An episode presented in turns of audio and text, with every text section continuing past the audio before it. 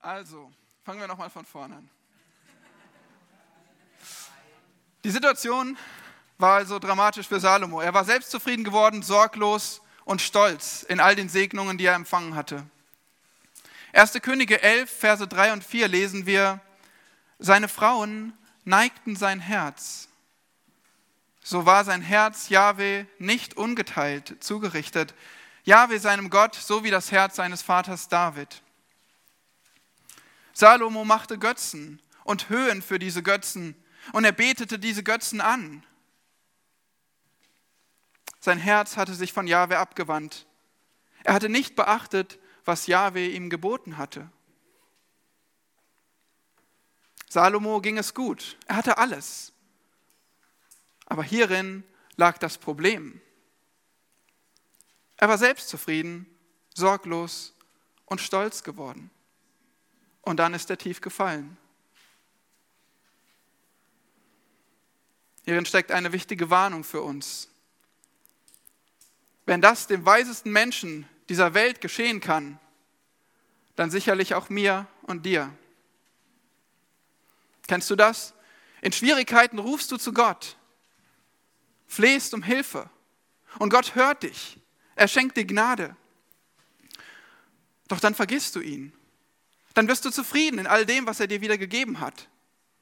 Und du wirst selbstzufrieden und sorglos und stolz als hättest du es gewirkt. Wann ist es schwieriger für dich, dich Gott hinzugeben?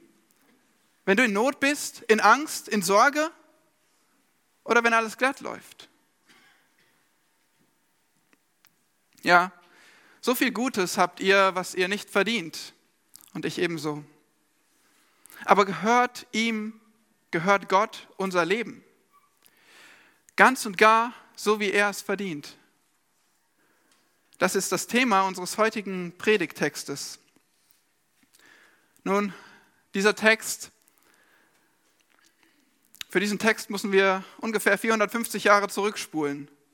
Es geht um Salomos Volk, um das Volk Israel, aber einige Zeit früher, nämlich als sie noch nicht in diesem Land waren, noch nicht in dem verheißenen Land, noch nicht in dem Land, was unter Salomo so groß war wie nie zuvor. Israel war noch nicht im Land. Sie waren in den Ebenen Moabs jenseits des Jordan. Sie waren bereit, es einzunehmen. Sie waren voller Vorfreude und Hoffnung.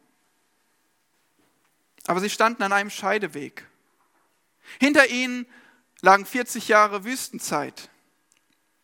Und Gott weiß, gerade jetzt wird es gefährlich, wenn sie aus einer Notsituation in eine Segenssituation kommen. Und deswegen warnt er sie. Er fordert sie, herauf, fordert sie heraus, lebt euer Leben für Gott. Und wir sehen diese Worte im fünften Buch Mose. In den letzten Wochen habt ihr viel aus dem ersten Buch Mose gehört und auch diese ganzen Bücher Mose ein bisschen mehr wieder wiederholt und verstanden. Wir haben ganz am Anfang die Geschichte gesehen, wie Gott diese Welt gemacht hat und wie Gott sich Israel erwählt hat und nun war da dieses Israel. Sie hatten viel erlebt. Sie waren in Ägypten gewesen, in Sklaverei. Sie sind durch die Wüste gezogen, aber jetzt waren sie bereit, in ihr eigenes Land einzuziehen. Und 5. Mose ist das Buch, was direkt geschrieben ist an diese neue Generation. Ihre Eltern waren gestorben in der Wüste aufgrund von Ungehorsam. Aber die neue Generation war bereit, die Verheißung zu empfangen das Land einzunehmen. Und so ist das fünfte Buch Mose wie eine Zusammenfassung des Bundes, den Gott mit dem Volk Israel geschlossen hat, wie eine Auslegung des Bundes. Es betont Jahwe auf der einen Seite als den Bündnispartner und auf der anderen Seite Israel, das Volk. Sie waren mit Gott in einen Bund getreten. Und sie hatten eine Verantwortung gegenüber Gott. Ja, sie haben Verheißungen bekommen, aber auch eine Verantwortung. Und ihnen wurden auch die Konsequenzen aufgezeigt, wenn sie nicht ihrer Verantwortung entsprechend leben würden. Und all das diente zur Vorbereitung für das Leben im Land. Und so zeigt 5. Mose fordert auf, ein Leben für Gott zu leben im Land. In den Kapiteln 5 bis 11 sehen wir, wie es ja im Groben betont wird, wie dieses Leben auszusehen hat.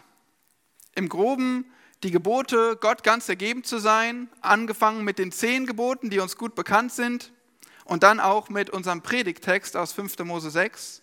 Und später in den Kapiteln 12 bis 26 geht es ins Detail und wir finden viele detaillierte Gesetze für verschiedene Situationen, genau vorgeschrieben, was die Israeliten tun sollten. Und an dieser Stelle wollen wir gerne zusammen den Predigtext lesen aus 5. Mose 6, Verse 10 bis 15. Wenn euch möglich, schlagt bitte auf 5. Mose Kapitel 6, die Verse 10 bis 15.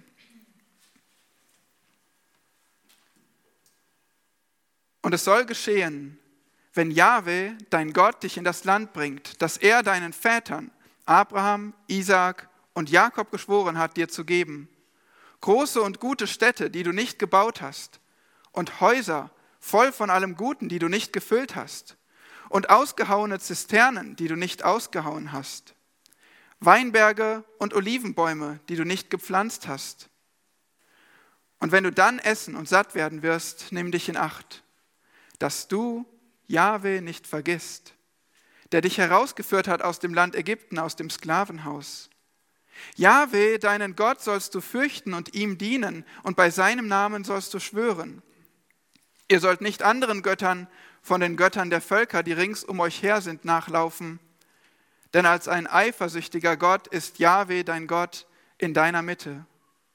Damit nicht der Zorn Jahwes deines Gottes gegen dich entbrennt und er dich vom Erdboden weg vernichtet. Lass uns beten. Gott, dies ist dein Wort. Du hast es geschrieben und du hast es uns in die Hände gegeben. Danke, dass wir es lesen können. Herr, bitte schenk, dass wir es auch recht verstehen und schenk, dass wir die Ermahnungen und Ermutigungen, die du auch an uns richtest, wahrnehmen und auf unser Leben anwenden, dass wir dir gehorchen zu deiner Ehre. Amen. So sehen wir in diesem Text also eine Aufforderung an Israel, mit ganzer Hingabe ihr Leben für Gott zu geben. Und dieser Gott Israels, der ist auch Gott der ganzen Welt, der ist auch Herr der Welt, der ist auch unser Herr. Und so zeigt der Text auch uns, wie wir unser Leben ganz dem Herrn hingeben sollen. In diesem Text wollen wir heute sehen und lernen fünf Aufforderungen, auf dass du dich deinem gütigen Gott ganz hingibst. Fünf Aufforderungen sehen wir hier, auf dass du dich deinem gütigen Gott ganz hingibst. Erstens, in den Versen 10 bis 12, vergiss ihn nicht. Vergiss ihn nicht. Zweitens, fürchte ihn. Ersten Teil von Vers 13. Drittens, diene ihm. Zweiten Teil von Vers 13. Und dann dritten, viertens, ehre ihn. Am Ende von Vers 13. Und schließlich, fünftens, verlass ihn nicht. Verse 14 bis 15. Also was sind diese fünf Aufforderungen? Vergiss ihn nicht, fürchte ihn, diene ihm, ehre ihn und verlass ihn nicht. Und der erste Teil wird die Verse 10 bis 12 umfassen und deswegen auch werden wir hier viel Zeit verbringen, um die Grundlage all dieser Aufforderungen gut zu verstehen. In den Versen 10 bis 12, vergiss Gott nicht. Der Text beginnt mit den Worten, und es soll geschehen. Hier wird also ein neuer Abschnitt eingeleitet. Es ist ein Blick in die Zukunft. Es soll geschehen. Aber gleichzeitig müssen wir auch verstehen, natürlich, was passierte vorher? Was ist jetzt hier der neue Abschnitt? Worauf baut es auf? Und wenn ihr schon ein bisschen nach, ja, ein bisschen zurückgeschaut habt zu den letzten Versen oder vielleicht ist auch 5. Mose 6 gut in euren Gedanken ein Begriff, ja, da finden wir das Schema Israel in den Versen 4 und 5.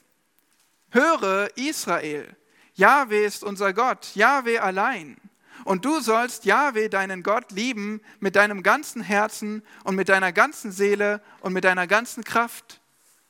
Und diese Verse, es ist gut, dass die uns bekannt sind, weil die sind der Kern von diesem ganzen Buch 5. Mose. Die fassen die Botschaft zusammen. Jahwe ist Gott und du sollst ihn lieben mit deinem ganzen Wesen. Vielleicht sind euch auch die Verse 6 bis 9 gut bekannt, vor allem wenn ihr Eltern seid. Bekannt für die Kindererziehung. Die Worte, die sollst du einschärfen deinen Kindern, der nächsten Generation. Also diese Worte Gottes, die ganzen Gesetze, die ganzen Bestimmungen und Ordnungen, das ist hier der Kontext, die sollst du nicht nur selbst tun, sondern du sollst sie einschärfen, der nächsten Generation, damit das ganze Volk Gott ergeben ist. Und an dieser Stelle schließen, schließt unser Predigtext an, Verse 10 bis 15. Vielleicht etwas weniger bekannt und auch genauso herausfordernd und schlägt genau in die gleiche Kerbe. Das Thema Gott lieben mit deinem ganzen Wesen. Aber hier wird es noch ein bisschen mehr ausgeführt. Was bedeutet das? Im Grunde genommen führen diese Verse und auch das ganze restliche Buch 5. Mose aus, was es heißt, Gott mit ganzem Wesen zu lieben. Diese Verse, unser Predigtext, sind aber eine Einleitung in das Thema, was die nächsten Kapitel beherrscht, das Leben in dem Land. Wie sieht es aus, wenn Gott euch in das Land bringt, was er verheißen hat? Wie sollt ihr da für ihn leben? Und wir sehen, es soll geschehen, Vers 10, wenn Yahweh, dein Gott, dich in das Land bringt. Nun, was ist mit diesem Wort wenn? Wir kennen das Wort wenn als eine Möglichkeit. Falls Gott dich in das Land bringt, dann. Aber das ist nicht gemeint hier, sondern hier ist es ein, ein Wenn zeitlicher Natur. Dann, wenn Gott dich in das Land bringt. Warum? Gott hat es versprochen und Gott bricht sein Versprechen nicht. Dann, wenn Gott dich in das Land bringt. Wir wissen, Israel war diese 400 Jahre ungefähr in Ägypten, in Sklaverei. Gott hatte sie mächtiglich äh, errettet, herausgeführt, aber dann haben sie 40 Jahre in der Wüste zugebracht. Nicht unbedingt angenehmere Umstände. Aber sie wussten alle Zeit, Gott hatte ihren Vätern das Land versprochen. Er hatte gesagt, ihr müsst nicht für immer in Ägypten Sklaven sein oder in der Wüste umherziehen, sondern ihr werdet in euer eigenes Land einziehen, ein gutes Land. Daran erinnerte Gott immer wieder. Und so sagt er auch hier, das Land, das er deinen Vätern Abraham, Isaak und Jakob geschworen hat, dir zu geben. Als Abraham eines Tages in Sichem ankam, im verheißenen Land, da sagte Gott zu ihm, hier, wo du stehst, dieses Land wird dein Nachkommen gehören. Im Moment bist du als ein Fremdling eingezogen, aber dieses Land wird deine Familie besitzen. Und immer wieder wurde das wiederholt, diese Verheißung, und jetzt würde sie wahr werden. Na klar, Gott kann nicht lügen. Gott hat sich daran gebunden. Und er sagte, dann wenn, dann wenn ihr in dem Land leben werdet. Aber was bedeutet das eigentlich, dass Gott ihnen ein Land gibt? Nun, wir sprechen hier über dann, wenn du in das Land kommst. Aber was heißt das eigentlich, dieses Land? Klar, wir wissen, was ein Land ist, aber was, an was haben die Israeliten hier gedacht? An was sollten sie denken? Genau diese Frage beantwortet uns der Text, weil jetzt wird dieser wenn, dann Satz etwas unterbrochen und es wird erstmal erklärt, was bedeutet das, in das Land zu kommen. Es ist ein gutes Land. Es ist ein Land voller Segen. Verse 10 und 11, da heißt es weiter, große und gute Städte, die du nicht gebaut hast, und Häuser voll von allem Guten, die du nicht gefüllt hast und ausgehauene Zisternen, die du nicht ausgehauen hast, Weinberge und Olivenbäume, die du nicht gepflanzt hast. Und wenn du dann essen und satt werden wirst. Das war also das Land. Das war eine Beschreibung. An das sollten Sie denken, wenn Sie an das Land denken. Segen. Und immer wieder diese gleiche Struktur, ihr habt das gesehen. Viermal sehen wir hier einen Aspekt des Segens und immer wieder gepaart mit Du hast es dir nicht erarbeitet. Du empfängst es, aber du hast nichts dafür getan.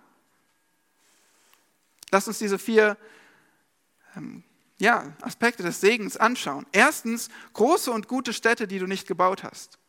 Also große Städte, das wissen wir, wenn wir hier in Berlin wohnen, was große Städte sind. Große Städte, die immerhin groß genug waren, um Platz zu bieten für ein Volk, dass sie in befestigten Städten wohnen konnten. Auch gute Städte, in denen es angenehm sein würde zu wohnen. Zweitens, Häuser voll von allem Guten, die du nicht gefüllt hast. Überlegt mal, worin wohnten die Israeliten, als diese Worte gesprochen wurden? Ja, richtig, in Zelten. Und wie lange wohnten sie schon in Zelten? Seit 40 Jahren. Okay, wir stellen uns vor, ja klar, wir, keiner von uns übernachtet in Zelten, wir wohnen alle in Häusern. Aber sie haben 40 Jahre in Zelten gewohnt. Und dann, wie ist es, ein Haus zu bauen? Einige von euch können ein Lied davon singen. Langer Prozess, nicht so einfach, ganz schön viele Schwierigkeiten, die man da zu meistern hat. Nun, du wirst einfach in die Häuser kommen, die du nicht gebaut hast. Das wäre schön gewesen, oder? Mehr noch, Häuser gefüllt von allem Guten, sogar mit Einrichtungen, möbliert, mit Vorräten, von ihren Vorbesitzern dort gelassen. War denn sowas normal, wenn man in ein Land einzieht, dass man Städte, befestigte Städte vorfindet, die man bewohnen kann, Häuser fertig gebaut und voll von allem Guten? Wie ist das heutzutage in Kriegsgebieten? Wir sehen immer wieder Bilder davon. Wir wissen, dass unser Land schon Krieg erlebt hat, viel Zerstörung. Da lebt man nicht in einem Land voller befestigter Städte, Städte und guter Häuser, die völlig intakt sind. Es war völlig unnormal, diese Vorstellung. Es war absurd, das zu hören für Israel, aber Gott sagt es ihnen. Es geht noch weiter. Drittens, ausgehauene Zisternen, die du nicht ausgehauen hast. Hierfür müssen wir uns das Klima Israels in Erinnerung rufen. Wenig Regen. Von Mai bis Oktober ungefähr fast kein Regen. Wie überlebt man da, wenn man kein Wasser hat? Wie überlebt man da, wenn man kein Wasser sammeln kann? Und genau dafür waren Zisternen so wichtig. Auch die musste man erstmal aushauen. Auch da musste man erstmal Wasser sammeln. Aber das würde schon vorbereitet sein, wenn Israel in das Land einzieht. Viertens, Weinberge und Olivenbäume, die du nicht gepflanzt hast. Auch hier etwas Erklärung. Wenn wir an Wein denken, vielleicht auch an Öl, dann denken wir an, ja, vielleicht Luxusgüter. Dinge, die zumindest nicht unbedingt fürs tägliche Leben nötig sind. Aber das war auch anders in Israel. Öl wurde verwendet zum Zubereiten von Nahrung, für Lampen, für Lichtquellen, für Medizin, so konnte man auch Wein einsetzen. Also bei Öl und Wein, da ging es nicht um Dinge, die verzichtbar waren, sondern die notwendig waren. Und jetzt überlegen wir uns, wie ist das, wenn man ein Feld einsät und ernten möchte? Das kann man in der Zeit machen, in der man äh, aussät. Und dann kann man sich schon ein paar Monate später darauf einstellen, dass man Getreide ernten kann. Okay, wie ist das mit einer Weinpflanze? Wie ist das mit einem Olivenbaum? Kann man in ein Land kommen und dort etwas einpflanzen, Samen einpflanzen und im nächsten Jahr Oliven ernten oder Wein ernten? Natürlich nicht. Aber all das würde vorbereitet sein. Gott sagt, Weinberge, Olivenbäume, die du nicht gepflanzt hast, werden aber für dich vorbereitet sein. Jetzt verstehen wir vielleicht ein bisschen mehr, das war eine Aussicht auf Gottes Güte. Gott schenkt in seiner Güte Israel ein produktives Land. Und deswegen sagt er dann auch, und wenn du dann, am Ende von Vers 11, wenn du dann essen und satt werden wirst. Hier wird also dieser lange Wenn-Satz abgeschlossen. Also wenn du in das Land kommst, ich beschreibe es für dich, voller Segen, und wenn du dann essen und satt werden wirst,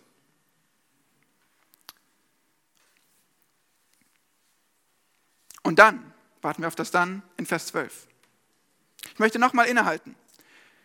Es war völlig unnormal, was sie gehört haben. Diese vier Aspekte, über die wir gerade gesprochen haben, diese vier Aspekte des Segens, die waren normalerweise menschliche Errungenschaften. Das brauchte eine funktionierende landwirtschaftliche Gesellschaft. Aber hier nicht. Israel hatte nicht dafür gearbeitet. Es war Gottes Gabe an sie. Dieses Volk nach Sklaverei, nach Wüstenwanderung, nach Leben in Zelten statt in Häusern, nach einer gefährlichen Wüste ohne Stadtmauern, die sie schützen, nachdem sie Wasser erflehen mussten von Gott, ohne Zisternen, nachdem sie von Gott gespeist werden mussten und überhaupt nicht an Oliven und Wein denken konnten. Dieses Volk musste begeistert sein, schon beim Gedanken an diese Segnungen. Und Gott sagt, und genau das ist so gefährlich. Wie sieht es aus in deinem Leben? Erlebst du Gottes Segen? Vielleicht sagst du, naja, könnte schon besser sein. Vielleicht sagst du auch, nein, Gott ist ungerecht.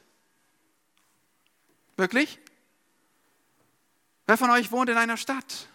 Wer von euch wohnt in einem Haus? Wer von euch hat genug Wasser? Wer von euch hat Mittel, um Nahrung zuzubereiten? Wer von euch hat Essen? Wer von euch hat Medizin oder Kleidung? 1 Timotheus 6, Vers 8 sagt, wenn du Nahrung und Kleidung hast, sollst du dir daran genügen lassen.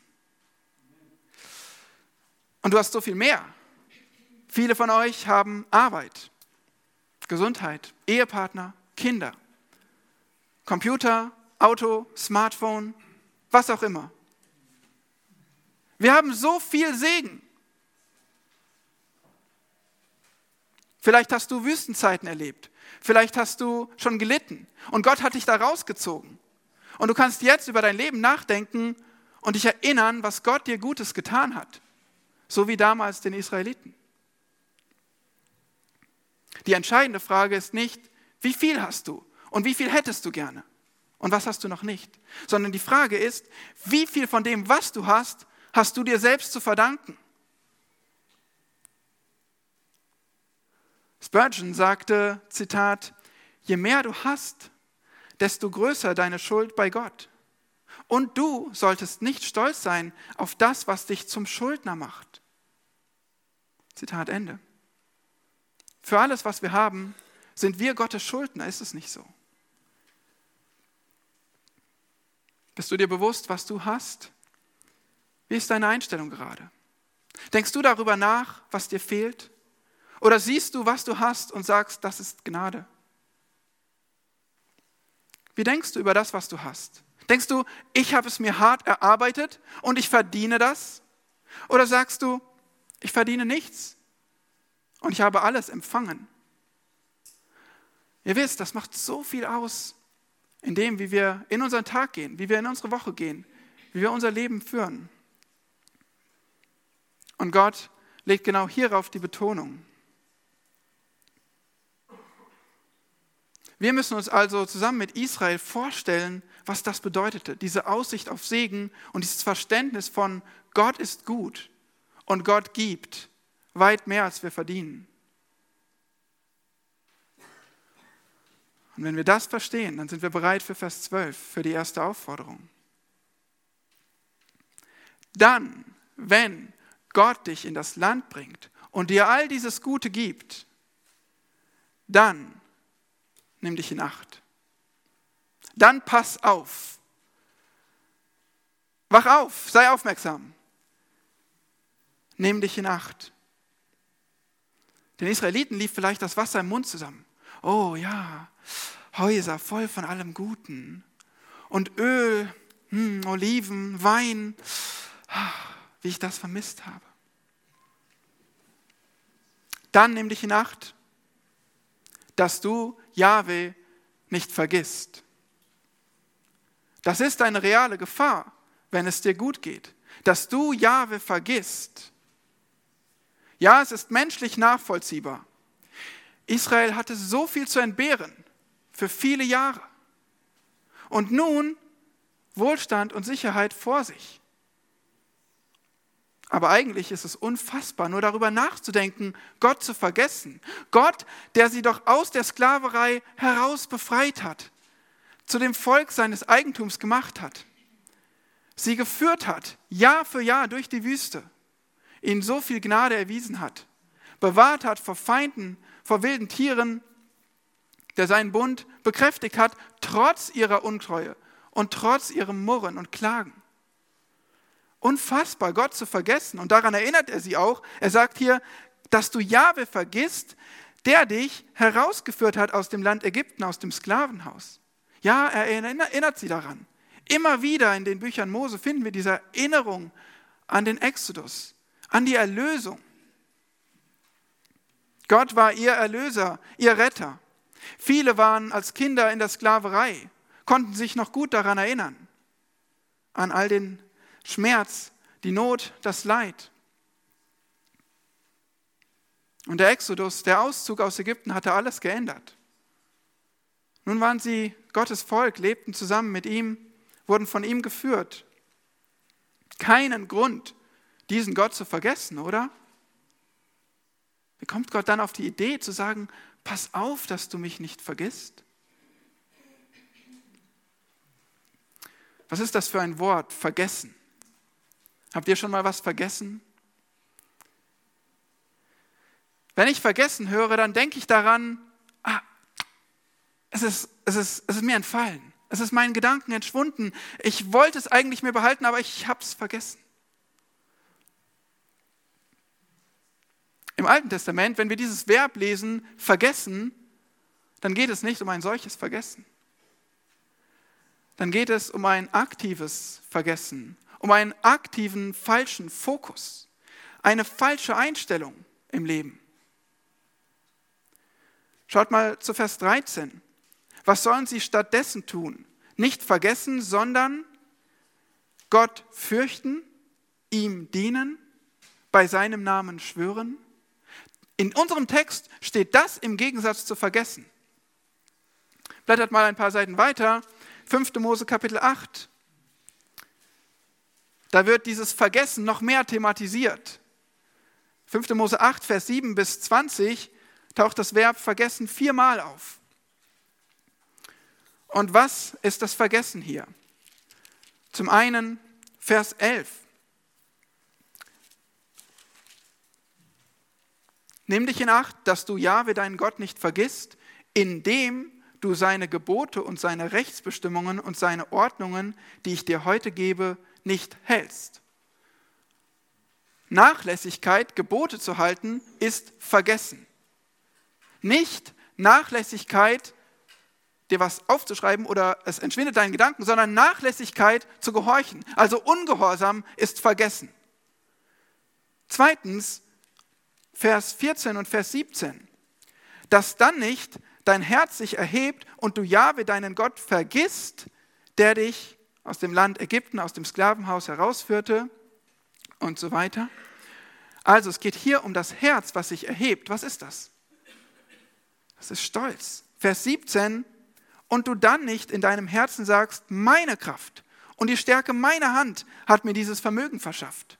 Vergessen ist Stolz. Vergessen ist, was du hast, was Gott dir gegeben hat, deinen Händen, deiner Leistung, deiner Arbeit zuzuschreiben. Stolz. Vergessen ist Vers 19. Es wird geschehen, wenn du Jahwe, deinen Gott, vergisst und anderen Göttern nachläufst und ihnen dienst und dich vor ihnen niederwirfst. Vergessen ist Götzendienst. Vergessen ist nicht mehr Gott nachfolgen, sondern den Götzen. Das ist Vergessen. Das ist nicht Unachtsamkeit. Das ist eine falsche Lebenseinstellung. Stattdessen, in Vers 18 sehen wir, was sollst du stattdessen tun? Du sollst an Jahwe, deinen Gott, denken, dich erinnern. Gegensatz zu vergessen. Und wie tust du das? In Vers 10 zum Beispiel, du sollst Jahwe, deinen Gott, für das gute Land preisen, das er dir gegeben hat. Nicht zu vergessen auf der anderen Seite bedeutet aktiv an ihn denken, aktiv ihn preisen. Das ist der Gegensatz von vergessen. Das heißt, vergessen hier ist nicht etwas, worüber du keine Kontrolle hast. Vergessen ist eine falsche Lebenseinstellung.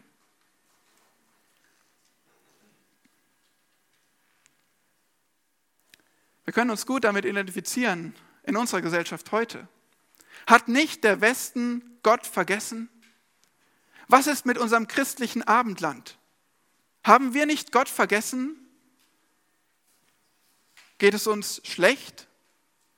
Oder haben wir nicht sehr viel Wohlstand in Deutschland? Aber wer denkt an Gott? Wer gibt ihm die Ehre? Wie viele Menschen um euch herum geben Gott die Ehre? Haben wir nicht Gott vergessen? Das Wichtigste ist nicht, was die Menschen um uns herum tun, sondern das Wichtigste ist, was du und ich tun. Hast du Gott vergessen? Vergisst du Gott? Wie gesagt, uns allen entfallen mal Dinge, aber die Frage ist, förderst du aktiv dein Erinnern oder lässt du es zu, dass du Gott vergisst? Die Schuld hat nicht die Ablenkung. Die Schuld hat nicht das Smartphone. Die Schuld haben nicht die Umstände. Die Frage ist, förderst du dein Erinnern? Wie regelmäßig denkst du an Gottes Erlösung? Wie regelmäßig denkst du nicht nur darüber nach, dass er doch am Kreuz gestorben ist, sondern über alle Aspekte deiner Erlösung, was es bewirkt hat mit deinem Leben? Was passiert, wenn Gott dein Gebet erhört? Bist du wie der eine, der umkehrt und Jesus Danke sagt von den zehn Aussätzigen oder wie die neun? Wie wäre es, eine Liste zu führen, ein Buch zu führen mit erhörten Gebetsanliegen und dich daran zu erinnern. Es dir zur Aufgabe zu setzen, es regelmäßig zu lesen. Nur so ein Gedanke. Die Frage ist, arbeiten wir aktiv an unserem Erinnern und bekämpfen wir aktiv das Vergessen? Denn davor sollen wir uns in Acht nehmen. Wie viel investierst du in die Beziehung zu Gott, in dein geistliches Wachstum? Wann vergisst du deine stille Zeit? Dann, wenn du kämpfst und Gott brauchst?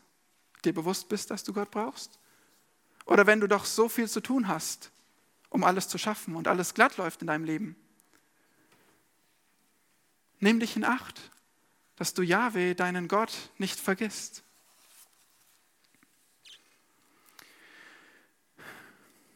Das ist die erste Aufforderung.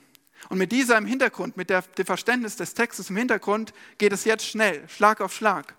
In Vers 13 finden wir gleich drei weitere Aufforderungen, auf das du dich deinem gütigen Gott ganz hingibst. Erstens, vergiss ihn nicht. Zweitens, fürchte ihn. Wir lesen nochmal Vers 13. Jahwe, deinen Gott, sollst du fürchten und ihm dienen, und bei seinem Namen sollst du schwören. Wir sehen hier schon, die Wortfolge des Hebräischen ist ganz gut wiedergegeben. Es heißt nämlich, Jahwe, deinen Gott, sollst du fürchten. Im Hebräischen ist das besonders, weil normalerweise das Verb vorne steht, aber hier steht das Subjekt vorne. Und Jahwe wird betont. Fürchte nichts anderes, fürchte Jahwe, deinen Gott. Und hier wird auch wieder die Bundesbeziehung betont. Immer wieder seht ihr das hier, Jahwe, sein Name. Und es ist dein Gott, Israel. Das wird betont. Ihre Beziehung zu Gott. Und diesen Gott, den sollen sie fürchten. Was heißt es zu fürchten? Furcht hier meint eine Haltung von Furcht, von Respekt, von Anbetung. Und dieses Fürchten wird oft gegenüber Yahweh verwendet. Oft wurden, haben sie ihn erlebt bei den Plagen in Ägypten, in der Stiftshütte, mit der Bundeslade, den Priestern, den Opfern. Sie erlebten Gott als einen Gott, der zu fürchten ist, der heilig ist. Es ist nicht nur ein Gefühl hier, Furcht, Angst zu empfinden, sondern es ist eine Haltung von Respekt, von Anbetung. Und das sollten sie Gott entgegenbringen. Für uns als Gemeinde habe ich darüber nachgedacht, dass wir in Apostelgeschichte 5 diese Begebenheit mit Ananias und Sapphira lesen. Da wird Furcht vor Gott deutlich. Apostelgeschichte 5, ihr erinnert euch vielleicht an die Geschichte, Hananias und Sapphira hatten gespendet, etwas Gutes getan. Aber mit einem falschen Motiv, um Ehre bei Menschen zu bekommen. Und so hatten sie Gott selbst, den Heiligen Geist, belogen. So heißt es dort. Und als Konsequenz lesen wir in Apostelgeschichte 5, Vers 5, als aber Hananias diese Worte hörte, fiel er hin und verschied. Und es kam große Furcht über alle, die es hörten. Auch im Neuen Testament, auch in unserer Zeit ist Gott immer noch heilig und ist Gott immer noch zu fürchten. Und es mag so sein, dass wir das manchmal vergessen, wenn wir nicht gerade in der Wüste mit ihm umhergezogen sind und gesehen haben, dass Feuer am Rand vom Lager brennt, weil die Leute Unzucht begangen haben. Vielleicht war ihnen das bewusster, als es uns ist, aber Gott ist immer noch so heilig und er ist immer noch der gerechte Richter. Die Frage ist, fürchtest du Gott? An dieser Stelle möchte ich noch mal ein bisschen zurückschauen, wenn wir uns überlegen, was Gott in der Bibel für Gericht gebracht hat. Angefangen mit Adam und Eva, dann die Sintflut über die ganze Erde, Plagen gegen alle Ägypter, das Volk gerichtet für Murren und Unglauben in der Wüste, die gottlosen Völker Kanaans vernichtet.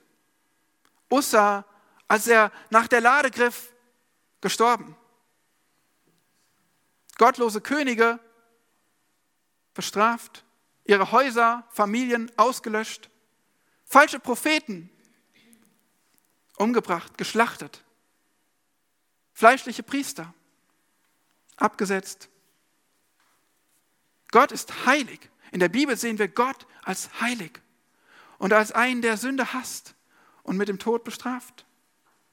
Von Anfang an sehen wir die Warnung, seine Gebote zu halten.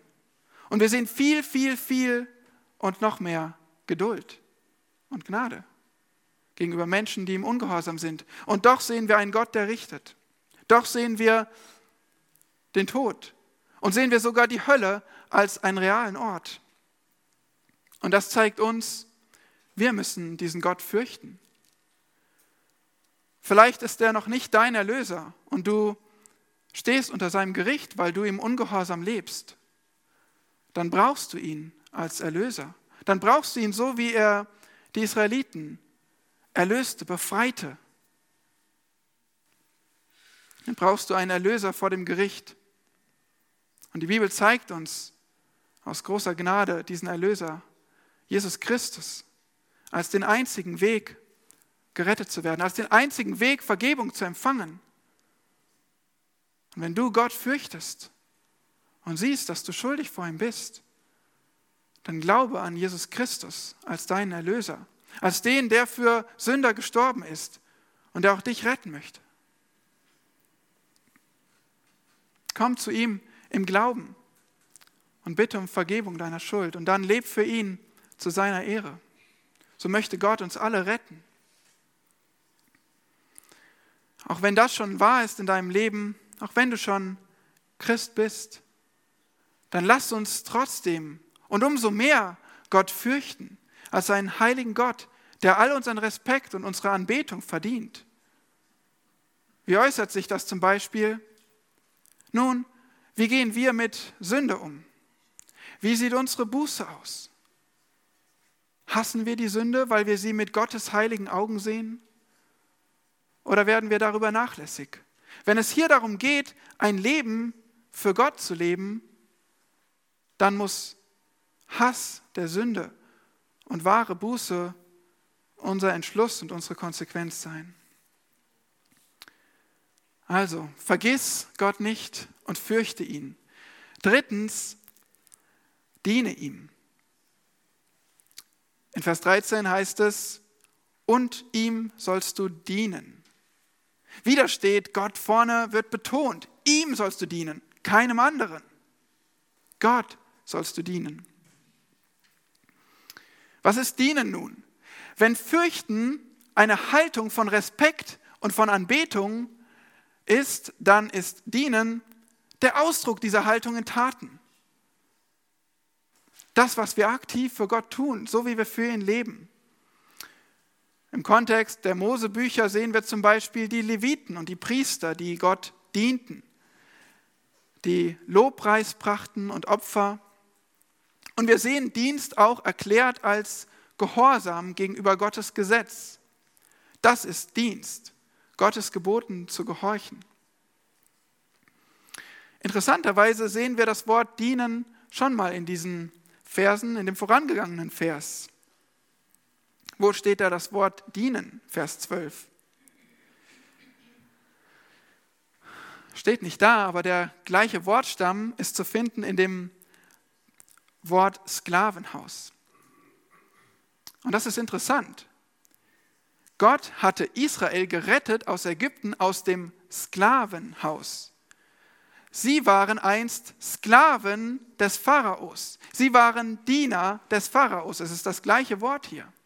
Sie mussten dem Pharao dienen. Sie wollten nicht, aber sie mussten. Und sie mussten härter und härter arbeiten. Aber Gott hatte sie da rausgerissen, erlöst.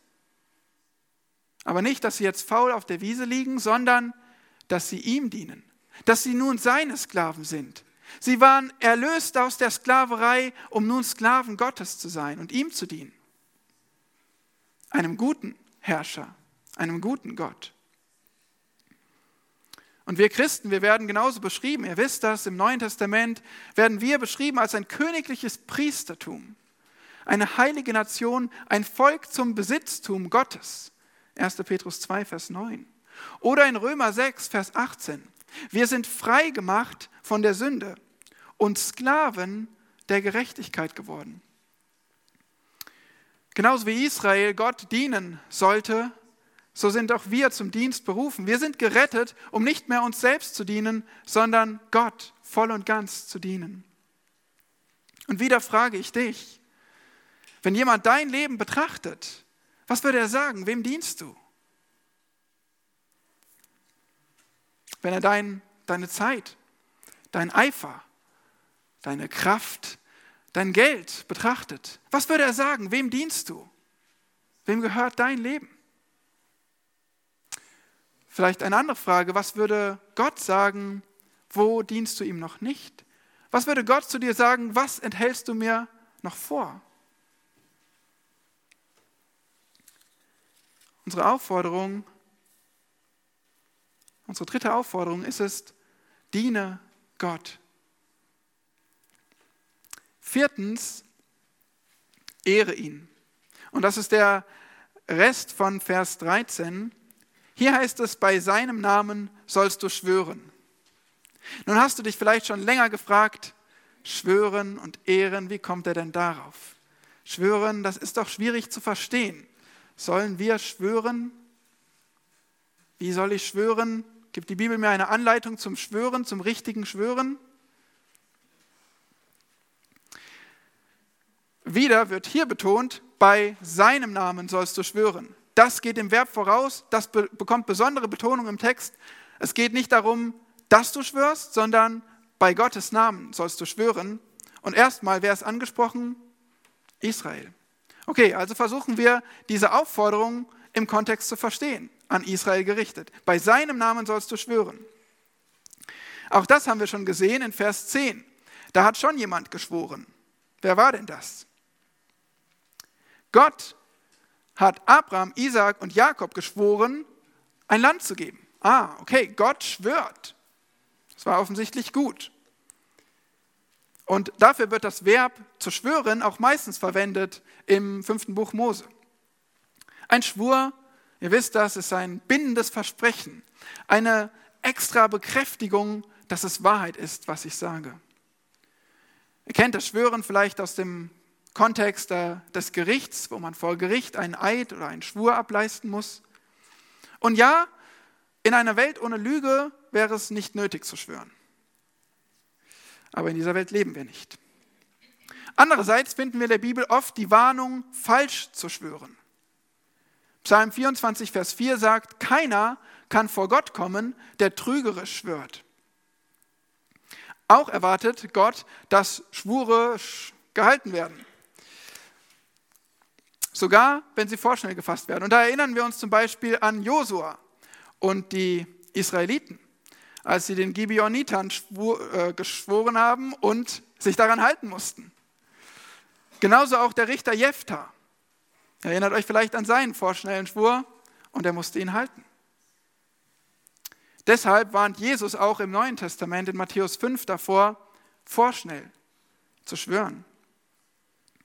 Aber gleichzeitig auch Jesus, er schwört in Matthäus 26. Das kann nicht grundsätzlich falsch sein. Was wir verstehen müssen, in dem Kontext des Volkes Israel war es normal zu schwören.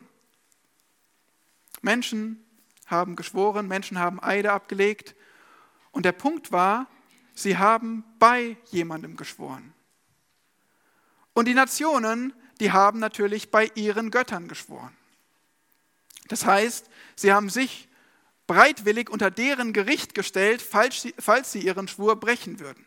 Sie haben damit also diese Götter, diese Götzen anerkannt mit ihrem Schwur.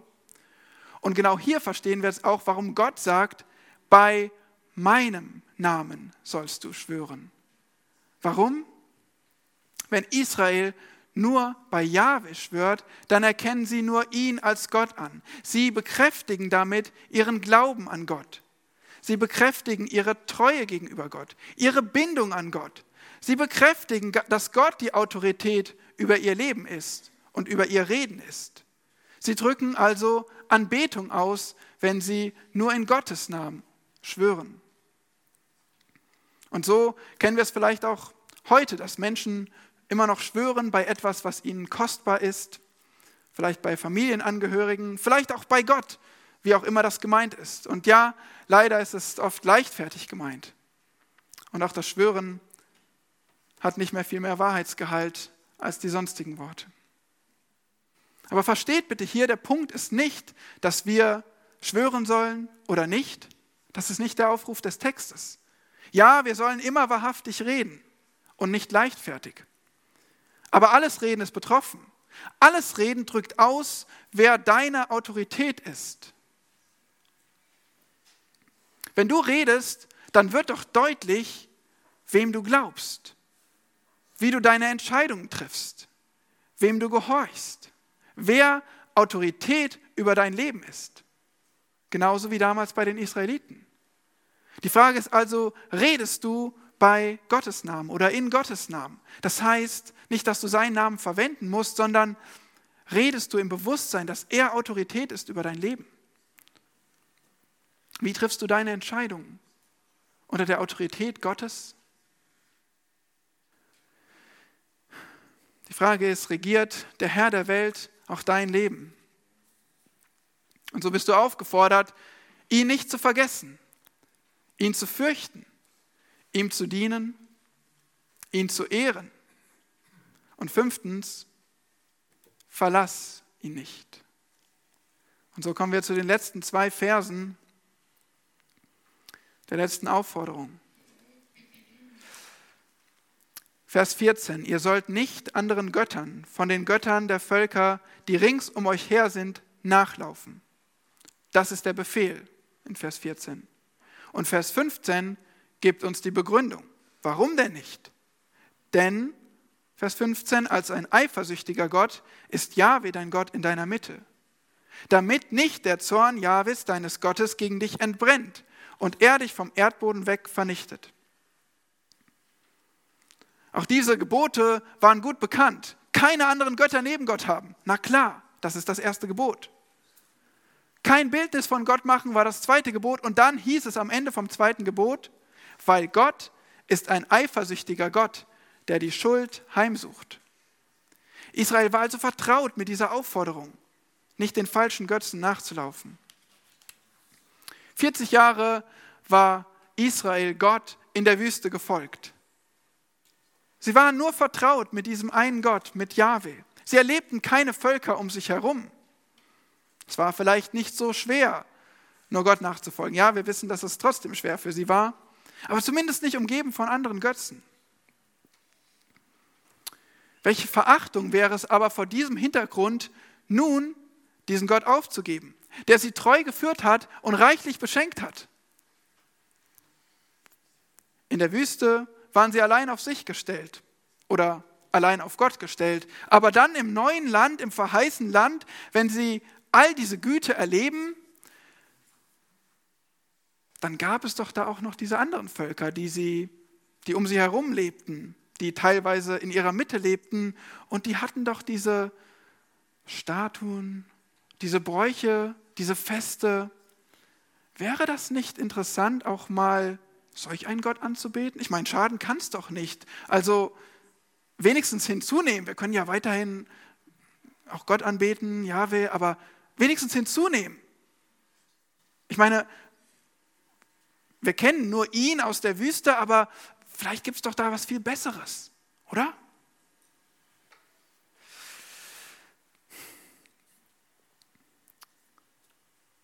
Vielleicht kennst du solches Denken, wenn du über Götzen, über Götzendienst nachdenkst. Wir kommen noch dazu. Der Befehl ist also, lauf nicht den falschen Göttern nach. Und die Begründung dafür, Vers 15, erstens, Yahweh ist ein eifersüchtiger Gott und zweitens, Yahweh wird euch vernichten. Und das ist zugleich eine Begründung, für die ganzen ähm, Aufrufe, die wir hier gefunden haben in den Versen 10 bis 15. Yahweh ist ein eifersüchtiger Gott. Immer wieder wird dieses Wort, diese, diese Charakteristik Gottes als eifersüchtig im Kontext mit Götzendienst verwendet. In 2. Mose und 5. Mose finden wir das vor allem. Gott vergleicht sich überhaupt oft mit einem Ehemann und Israel als seine Ehefrau. Und so verstehen wir auch dieses Prinzip Eifersucht am besten. Gott erwartet von seiner Ehefrau Israel völlige Treue. Und das verstehen wir, oder? Seine Eifersucht war also ein Ausdruck seiner Liebe und nicht einer charakterischen Schwäche. Gott in deiner Mitte heißt es hier. So nah war ihnen Gott und er wartete völlige Treue. Ja, Gott verdient auch diese Treue. Gott verdient die alleinige Ehre. In Jesaja lesen wir, dass er betont: Ich alleine bin Gott, da ist kein anderer. Und Jesaja 42, Vers 8 heißt es dann, ich bin Yahweh, das ist mein Name. Und meine Ehre gebe ich keinem anderen, noch meinen Ruhm den Götterbildern. Das war Gottes Motivation hier. Und er sagt, deswegen logischerweise werde ich euch vernichten, falls ihr mir doch untreu seid. Gott ist rein, heilig, er ist gerecht. Und so sagt er, ich muss euch vernichten wenn ihr mir untreu seid. Ja, es heißt hier, dass sein Zorn entbrennen würde. Und die Geschichte Israels bietet uns dafür ein paar Beispiele. Was heißt es, Gottes Zorn entbrennt? Als sie sich das goldene Kalb formten und anfingen anzubeten, da lesen wir, dass Gottes Zorn entbrannte. Und er drohte, sie völlig äh, auszulöschen, völlig zu vernichten. In 4. Mose 11 sehen wir wieder einmal, wie das Volk klagt und murrt und unzufrieden ist mit ihrem Gott. Und Gott sagt, dieses Volk muss vernichtet werden. Tatsächlich lässt er ein Feuer brennen am Rande des Lagers und Menschen kommen um aus Gericht. Gottes Zorn entbrennt buchstäblich. Das sollte schon Warnung genug sein. Aber auch hier warnt er sie nochmal. Deswegen seid Gott ergeben weil er ist ein eifersüchtiger Gott und er wird euch vernichten. Tatsächlich heißt es am Ende von 5. Mose, wenn er Segen und Fluch ihn nochmal zusammengefasst vorstellt, da sagt er, so wie ich mich gefreut habe, dir dieses gute Land zu geben, Israel, so werde ich mich freuen, dich daraus auszutilgen und völlig zu vernichten. Wie kann Gott das sagen? Er ist heilig er ist gerecht und er hasst die Sünde und Israel soll es verstehen. Es ist heftig für uns, allein darüber nachzudenken. Und genau das ist der Gott, den wir anbeten, dem wir dienen, dem unser Leben gehören soll, dem unsere ganze Hingabe gehören soll. Die Frage ist, hat Gott deine Hingabe? Oder läufst du anderen Göttern nach? Ja, es wäre, ja, vielleicht denkst du bei Göttern jetzt an, an diese Goldstatuen oder Räucheropfer, die man ihnen da bringt und sagst, na, Quatsch, mache ich doch nicht, ist doch blöd. Oder du betest auch nicht zu Baal, damit er Regen bringt über dieses Land. Quatsch. Götzendienst, habe ich nichts mit zu tun. Vielleicht hast du auch schon gehört, was der Kern von Götzendienst ist. Das ist nicht eine Statue, das ist kein Räucheropfer, sondern das ist es, Gottes Ehrenplatz jemand anderem zu geben. Gottes Ehrenplatz, der ihm allein zusteht, jemand anderem zu geben.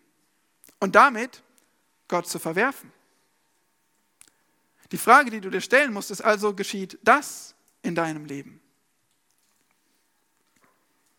Was, wer, wer, wer könnte diesen Ehrenplatz bekommen in deinem Leben? Ja, es könnte ein Mensch sein, aber vielleicht ist es auch mehr abstrakt. Vielleicht ist es der Wohlstand, für den du lebst, der Verdienst, die gute Rente. Vielleicht ist es die Gesundheit, die du doch unbedingt sicherstellen möchtest, um lang zu leben und schön zu leben.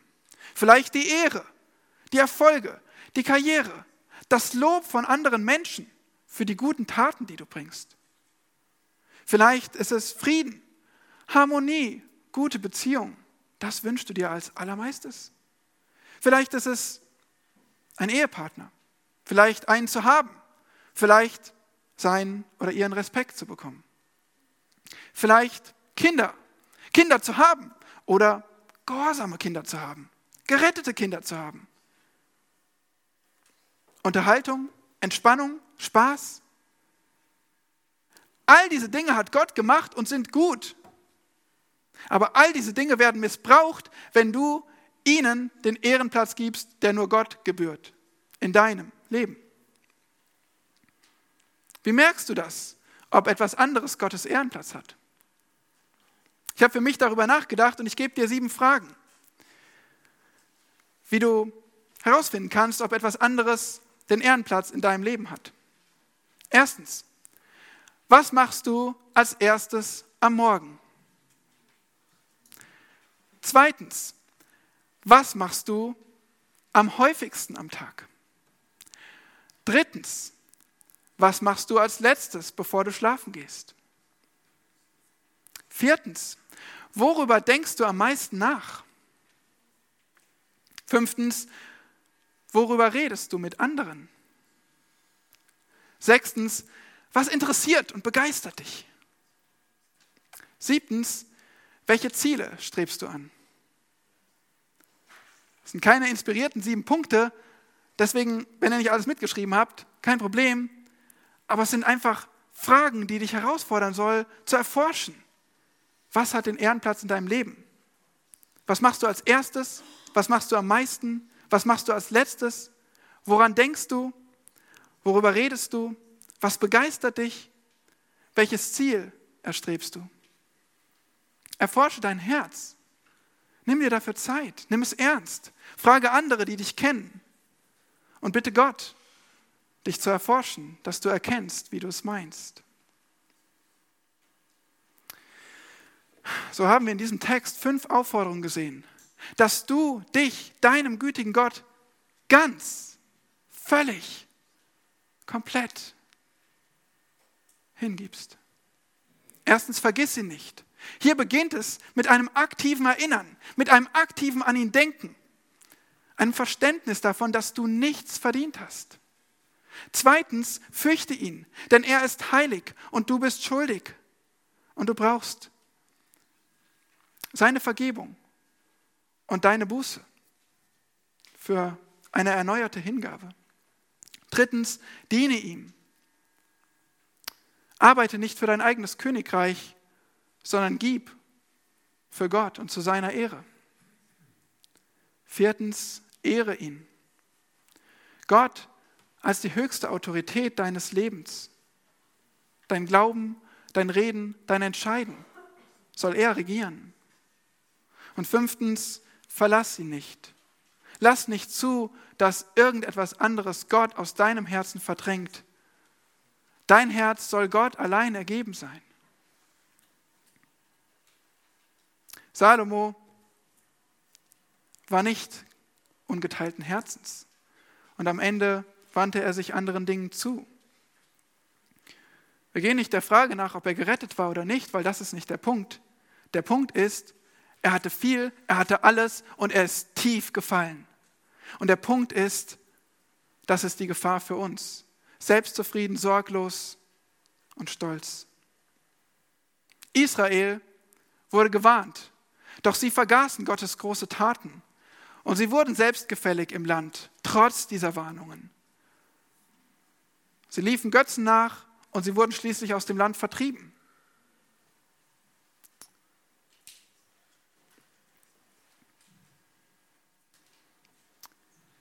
Das sollte uns Warnung und Ansporn sein. Im Prinzip sind all diese Aspekte, vergiss ihn nicht, fürchte ihn, diene ihm, ehre ihn, verlass ihn nicht, fünf Seiten einer Medaille, falls ihr eine fünfseitige Medaille findet. Sie gehören alle zusammen. Wie gesagt, der Kern ist, liebe Gott mit deinem ganzen Wesen. Und es hilft dir nur, das ein bisschen mehr aufzudröseln und zu verstehen, ja, was heißt das denn, Gott zu lieben mit meinem ganzen Wesen? Wiederum Spurgeon sagte, Zitat, wenn ich tausend Leben leben könnte, würde ich sie alle für Christus leben wollen.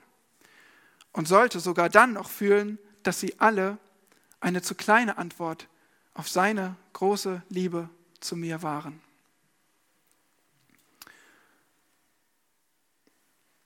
Mögen wir reagieren auf diesen Aufruf, auf diese Aufforderung, unser Leben ganz Gott zu geben und wann ihr damit beginnen könnt, ist direkt als Reaktion auf diese Predigt, auf Gottes Wort.